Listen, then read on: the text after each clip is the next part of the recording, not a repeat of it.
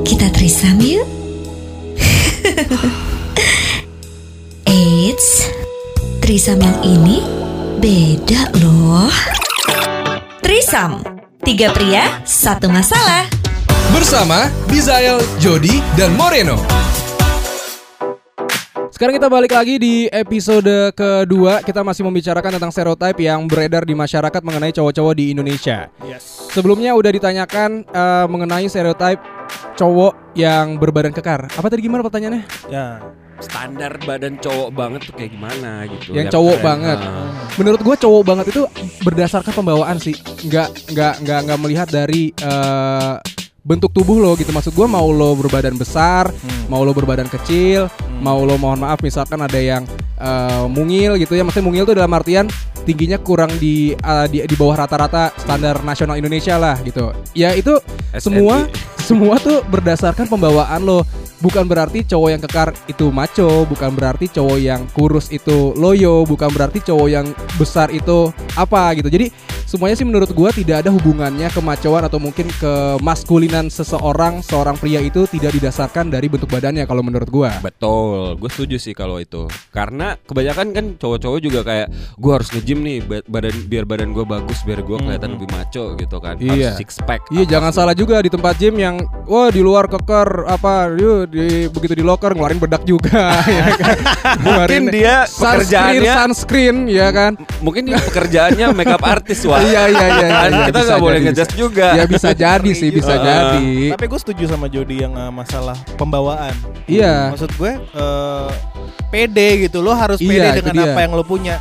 Biarpun badan lo sterek, badan lo six pack cuma kalau lo nggak pede ya sama aja pak. Maksud gue gini, se six pack six packnya lo, se sterek stereknya lo, manusia itu pasti ngerasa nggak pernah ngerasa puas gitu. Iya. Iya, iya. Di saat lo nggak pernah ngerasa puas, lo akan terus nggak pede dengan apa yang Betul, punya. itu itu Ya. gue setuju dan itu itu termasuk ke uh, body image juga kan. Iya, betul. image seperti apa yang lo pikirkan kalau diri lu tuh sehat kayak gimana atau Iya. diri lu sempurna kayak gimana. Nah. Itu itu aja sih. Ya.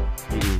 Berikutnya kita punya uh, poin yang berikutnya itu kalau cowok tuh harus kuat, nggak boleh lemah, nggak boleh cengeng, nggak boleh curhat gitu. Wow, terakhir kali gue nangis waktu gue dilahirkan. Ya kan? Nggak, ini ini salah satu uh, cowok yang ter, termakan stereotip ya. kan? Tapi tapi gue setuju kalau karena kita dari kecil aja kita tuh sering, sering diomongin sama orang tua kita eh Cowok nggak boleh anak nangis. cowok nggak boleh nangis. Kalau Iya. kita jatuh udah mau nangis nggak boleh nangis kan anak cowok gitu kan. Itu mungkin Hmm. juga yang timbul dari keluarga kita sendiri. Iya, Secara betul. tidak langsung mungkin memang maksudnya baik gitu ya untuk membuat kita diem nggak nangis anteng. Tapi Iya. ternyata itu membawa pikiran kita ketika kita dewasa. Ini menjadi stereotip untuk cowok-cowok gitu. Iya. Cowok tuh nggak boleh nangis. Ingat dong kayak laki-laki, band laki-laki. Aku bukanlah Oh iya benar, Superman. benar. Bisa masuk. Aku Oke, bukan- cukup. eh tapi gue jadi kepikiran tuh kalau dari dulu itu kan eh, anak cowok nggak boleh nangis gitu kan Iya. kata nyokap nyokap kita. Berarti ntar gue mikir kalau gue punya anak cowok terus anak cowoknya nangis, gimana cara gue diemin dengan tanpa gue harus ngomong kata-kata itu? Nggak apa-apa nangis nak. Nangis itu wajar. Nangis itu Karena dibutuhkan. nangis itu berarti kamu masih manusia. Masih menyebar Anak kecil brother Ngomongnya cepet anak banget. 2 tahun lo ngomong kayak gitu Yang ada dia diem ngeliatin lu Terus nangis lagi ya Iya mungkin Oh, mungkin, mungkin lebih, lebih mengarahkan eh, cara lain untuk bisa eh, menenangkan anak lo sendiri. Lo sebagai orang tuanya pasti akan lebih tahu dong gimana cara Ah. menenangkan Iya sih eh, anak lo. Mungkin cara cepatnya adalah itu. Eh lu cowok lu tuh jangan nangis gitu, kemplang dikit ya kan. Jahat. Mungkin dialihkan ke, ke kegiatan yang lain. Nah, gitu itu kan. bisa sih. Ah. Iya, betul, betul. mengalihkan Nah. pikiran anak kecil tuh gampang loh di, dialihkan pikirannya Iya. waktu kita masih kecil maksudnya. Iya. Nah dari situ kita ngomongin tentang aktivitas cowok banget nih. Kayak cowok tuh harus eh, harus suka olahraga gitu. Harus suka dan harus jago olahraga. Misalnya kayak Specifically atau enggak misalkan cowok itu harus ngerti bola. iya benar. Hei, kita bertiga ngerti bola. Bekel tapi. Gue gua gak ngerti bola sama sekali Benar-benar. Dan gue gue juga sa- sama kayak kayak Billy. Kayak gue lagi. berasal dari teman-teman yang kebanyakan suka bola. Kalau Ah. misalnya ngumpul pasti ngomongin pertandingan bola semalam, match apa semalam gini-gini Iya. gini, segala macam kan. Mungkin gue kalau kalau kalau gue tuh lebih gue suka main bolanya, tapi gue nggak ngerti siapa pemain bolanya, ini klub mana, ini Oh, klub kalau mana, gue berarti lebih mana. baik dari lo ya. Gue gue gue masih masih masih masih paham gimana aturan main bola. Gue masih suka main bola dan lain sebagainya. Iya. Cuman memang gue tidak memahami itu terlalu Tapi- dalam gitu. Iya, iya, Kalau iya. gua sih nggak tahu eh, permainan bola dan nggak bisa mainnya juga cuy. Jadi gue emang bener-bener kayak gue tuh anaknya basket banget, gue gangsta banget. Iya, kayak, iya, asik. Iya iya iya, sup man, sup sup my nigga? sup, my nigga, gitu. Yo, this is my crib, this is my. Iya iya iya. Enggak, gue tuh anaknya gitu banget. Jadi kalau lo nanya gue eh, dari dulu main bola, enggak, cuma emang dari dulu tuh gue lompat karet. lompat karet. gue anaknya tuh basket banget, sebasket itu makanya gue nggak kalau teman-teman gue ngomong bola, ngajakin gue main bola, gue Diem. pas deh, gue Iya, diem iya, deh. iya. Kalau gua justru main bola bisa, nonton bola juga suka, tapi pas Piala Dunia atau pertandingan-pertandingan yang gede doang. Ya. Oh, Oh, iya, pada iya, saat- iya. iya, Momentum Kayak, soalnya. eh, eh, itu sebenarnya terbawa karena dulu waktu SMA SM, SMA itu kalau misalnya ngomongin eh, teman-teman ngomongin bola ngumpul ngomongin bola akhirnya gue jadi kayak oh gue harus tahu nih gini gini gini gini akhirnya Lo gua- jadi cheerleader ya? Gue tahu dikit-dikit sial oh iya karena gue suka dance ya jadi gue lebih yang cheerleader gitu kampret gitu tapi akhirnya gue gue menemukan kalau gue lebih menyukai basket gitu Hmm. sama kayak Billy juga Jadi kita bantah nih ya stereotip yang poin ini kalau cowok sih. nggak suka bola Iya, itu berarti iya, nggak iya. cowok banget kita sih. bantah nih ya. olahraga juga bukan cuma basket sama bola bisa aja pecinta alam ya kan Dance pun itu termasuk olahraga. Iya betul betul. Iya, betul. iya, iya, Cuman pada alam. sampai saat ini belum dianggap olahraga. Ya benar apa pun bisa di- dijadikan olahraga baik itu lo nge-gym olahraga sendirian lo suka lari lo suka sepeda lo suka bulu tangkis lo suka naik gunung lo suka Iya, iya. keliling-keliling dan lain sebagainya itu juga termasuk olahraga menurut gua nggak cuman bola gitu di dunia ini mungkin memang yang happening sekarang ini bola dan gitu. dan menurut gue kalau misalnya cowok nggak suka olahraga pun oke oke aja Iya. karena kan masih banyak interest interest lain kayak misalnya dia lebih suka ngelukis atau Hmm. Iya. puisi atau Iya. acting atau apa gitu kan? ya ya ya itu maksudnya kayak bukan berarti cowok tuh nggak nggak nggak boleh mempunyai passion passion lain selain olahraga gitu kan maksudnya kayak lo suka nyanyi ya lo nyanyi aja bukan berarti lo nyanyi lo harus tahu bola juga lo harus bisa olahraga Iya, betul. juga Ha, ha. gitu itu hak masing-masing sih menurut gua Iya. Terus yang berikutnya nih, kalau misalnya cowok tuh nggak bisa nyetir, itu tuh berarti nggak cowok banget gimana Oh, gue. Gua pernah, gua tuh trauma banget dulu SMP tuh gua pernah eh, belajar nyetir terus nabrak. SMP Naik tuh trotoar. kira-kira SMP 15 tahun lalu ya. 20 tahun yang lalu. Itu kalau nggak salah pasti Soekarno masih jadi presiden ya. iya benar. Terus udah gitu, abis itu dari, dari SMP sampai eh, kuliah semester 4 gue trauma, nggak mau belajar mobil karena gua di situ masih kepikiran kalau kalau misalkan gimana ya kalau misalkan waktu gue nabrak ada anak kecil di situ. Kan Aha. kalau orang trauma kan dia uh, membayangkan skenario skenario skenario yang sebenarnya nggak ada. Iya. Hmm, Gitu iya. Ah. Nah, gue tuh di situ kayak apalagi zaman dulu masih kayak anak-anak kuliahan gitu yang borju-borju gitu kan Iya. yang pada bawa mobil. Lo gak bawa Gue mobil tuh, gue tuh, geng-geng gue. Wow. Terus kayak Bil, lo gak bawa mobil? Enggak, gue gak bisa. Ah, culun lo. Iya, iya, iya. Iuh, iuh gitu Iya. kan. Ah, culun Terus kan kalau SMA kan pasti udah sama geng mobil Ah, iya, gitu iya, iya. kan.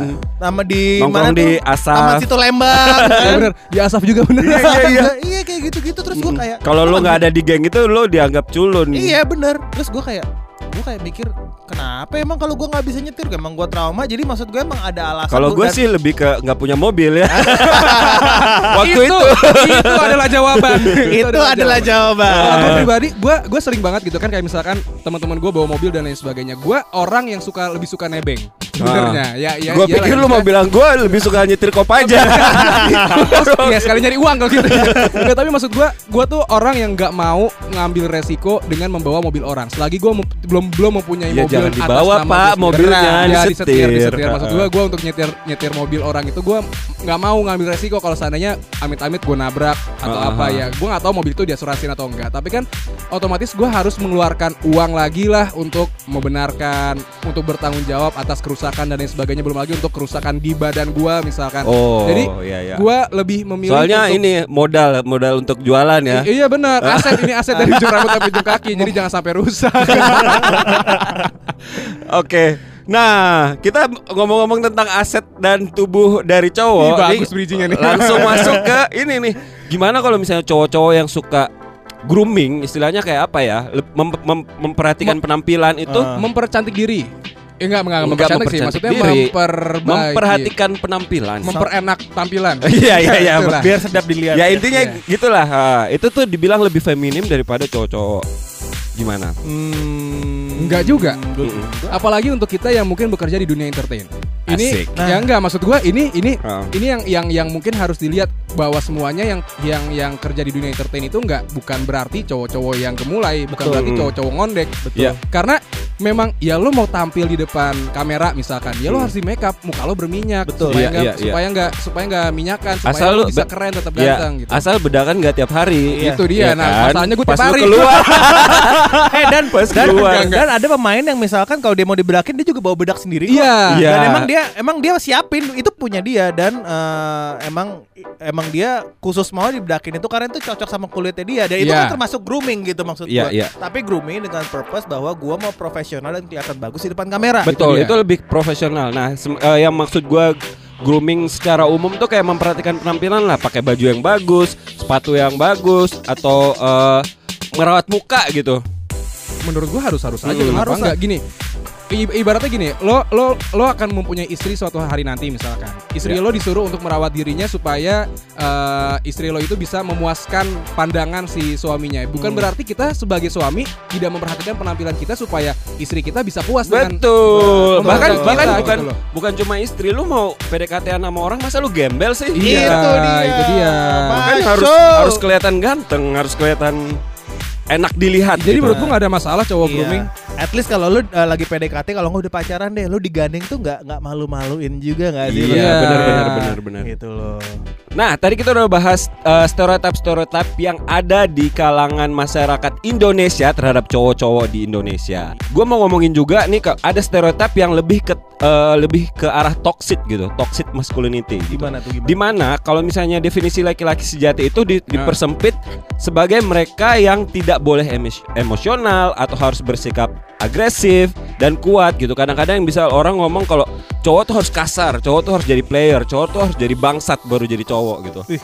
Ya enggak? karena kita cuma ada dua cowok ya di dunia ini ya ya bangsat atau eh gitu atau kan. gay ya. iya iya Iya, itu tuh itu, itu, tuh katanya Iya. kata orang-orang Itu tuh gua itu gua nggak setuju banget gitu. Gua- Terus ya Gua tuh menurut gua kalau orang yang ngomong gitu itu sebenarnya mental abuse sama pembunuhan karakter tau iya iya iya Iya. iya iya. Karena ya kalau gua masih mending eh, di di komentari terhadap penampilan gue kayak grooming dan segala macam. Ha, ha, gitu. ha. Cuma kalau ngomong cowok itu apa nggak boleh nangis harus segala macam itu nusuk langsung ke mental banget gitu Iya. loh cuy maksud gue. Gua akan gua akan berpikir bahwa apa gua cowok yang bukan cowok banget apakah gue gila sendiri itu gitu malah loh. bisa ngebuat cowok-cowok depresi Iya makanya iya. itu Iya. gue bilang pembunuhan karakter iya, iya. dan uh, mental abuse of mental gitu. Iya be- betul dan juga kalau misalnya cowok ngerjain pekerjaan cewek itu itu Iya. kan kadang-kadang masyarakat tuh gila langsung toksik banget ngelihatnya kan. Kayak kayak misalnya kita anak cowok di rumah eh, misalnya gue nih. Gue dulu sama nyokap nggak pernah tuh dilarang yang kayak lu bantuin dong bantuin pekerjaan rumah kayak nyuci piring apa nyapu rumah apa segala macam. Itu gue nggak pernah dilarang jadi gue ngerasa itu fine fine aja tapi kan ada di household masing-masing kan gua, apa namanya bringing eh, bringing up-nya kan beda-beda kayak Iya. mungkin ada yang ngelarang gitu orang tua yang ngelarang cowok lu jangan ngerjain pekerjaan rumah cewek lah lu yang kasar-kasar gitu ngerjainnya kuli gitu gali-gali kubur Iya. Ngeri amat pak gali-gali kubur pak. Asli gali pak. kubur Ya, gue langsung susana gitu kebayangnya langsung. Ah, gimana Bill menurut lo. Publik itu nggak akan berhenti untuk beropini, ya gitu loh. dan kita juga tidak bisa membatasi publik untuk beropini Exactly man. Maksud gua, jadi yang lu harus develop itu adalah uh, your mental and your confidence sendiri gitu loh. Lo harus merasa secure, lo harus merasa enough, lo harus merasa secure kalau emang ya udah gue cowok, gue secure tapi gue melakukan ini juga nggak menjadi nggak membuat gue less man than others gitu loh. Yes, karena kalau misalnya eh, laki-laki maskulin itu ya seharusnya karena mereka memilih mereka untuk menjadi seperti apa sesuai dengan keinginan mereka sendiri tanpa Iya. harus mendapatkan tekanan dari keluarga dan lingkungan gitu. Iya, terkadang tuh yang mungkin yang menyakitkan adalah ketika dia mungkin eh, tumbuh dan kembangnya tumbuh dan kembang balita ini. mempunyai jadi iklan ini nih. Iya, iya. Jadi kalau mereka itu tumbuh dengan uh, jiwa feminim yang lebih banyak misalkan, tapi Hmm. mereka uh, ketika dia kecil dia mendapatkan bulian yang mungkin uh, mengharuskan dia untuk uh, maskulin dan akhirnya dia memaksakan dirinya untuk menjadi maskulin, Ha-ha. itu akan lebih jauh menyakitkan dirinya sendiri gitu daripada kalau Apalagi dia kalau- mau berubah sendiri. Ya, gitu. apalagi kalau misalnya dia mencoba untuk maskulin tapi dia punya double life gitu. Iya, Misalnya itu kalau dia. Di, dia di depan teman-teman dan masyarakat dan keluarga dia seperti menjadi apa? maskulin, Ah. tapi di belakang kehidupan dia yang his second life dia jadi orang yang sangat berbeda. beda lagi. Hmm, Nah, itu gitu. dia. Itu akan jauh lebih menyakitkan menurut gua. Iya. Dan capek juga kayaknya punya hidup kayak gitu pasti akan capek sih, melelahkan banget. Betul. Dan kita sudah sampai di kesimpulan. Jadi kesimpulannya Ren.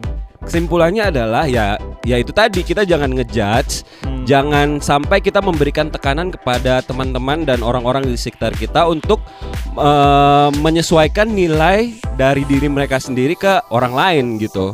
Iya. Mm-mm. Ya kalau menurut gue sih stop untuk uh, memperhatikan apa yang menjadi stereotip stereotype untuk cowok-cowok ataupun cewek-cewek di luar sana yang uh, ada dalam kehidupan gitu karena itu yang bisa membuat kita merubah kita atau buka uh, atau bahkan membuat kita menjadi lebih stres, lebih depresi, lebih kepikiran akan hal-hal yang menurut gua nggak penting untuk terus dipikirkan gitu. Ada hal-hal penting yang jauh lebih penting untuk dipikirkan. Betul, karena semua punya hak, laki-laki dan perempuan punya hak untuk mengekspresikan diri mereka sendiri sesuai dengan keinginan mereka sendiri. Ya. Setuju? Setuju. Oke kalau begitu itu pembahasan kita mengenai stereotip yang berkembang dan beredar luas di masyarakat Indonesia tentang cowok-cowok pada umumnya ya. Dan sekarang ini waktunya kita udahan dulu. Pastikan lo terus mendengarkan podcast kita karena masih akan banyak lagi topik-topik menarik yang akan kita bahas. Eh, mungkin buat kalian yang pengen bertanya atau mungkin memberikan ide kepada kita bisa langsung DM Instagram kita masing-masing. Ada gue @jody_hendrarto. Gue eh, at R Moreno Cristo. Susah. Iya. Nah, gue at Bizael Tanah Saleh. Oke, itu Instagram kita bertiga. Mungkin kalau seandainya lo punya masukan, lo punya kritik, lo punya saran, eh, silahkan lo hubungi kita via direct message ya. Ya. Kalau begitu kita Tapi akan ketemu lagi. ya. Nah, jangan minta fallback ya. jangan jual penjual peninggi Masalah. ya. Oke, nanti kita akan teruskan lagi eh, obrolan-obrolan kita yang lainnya di Trisam Tiga Pria Satu masalah. Seru banget kan obrolan kita? Makanya tungguin episode selanjutnya di Trisam. Tiga pria satu masalah bersama Bizael, Jody, dan Moreno.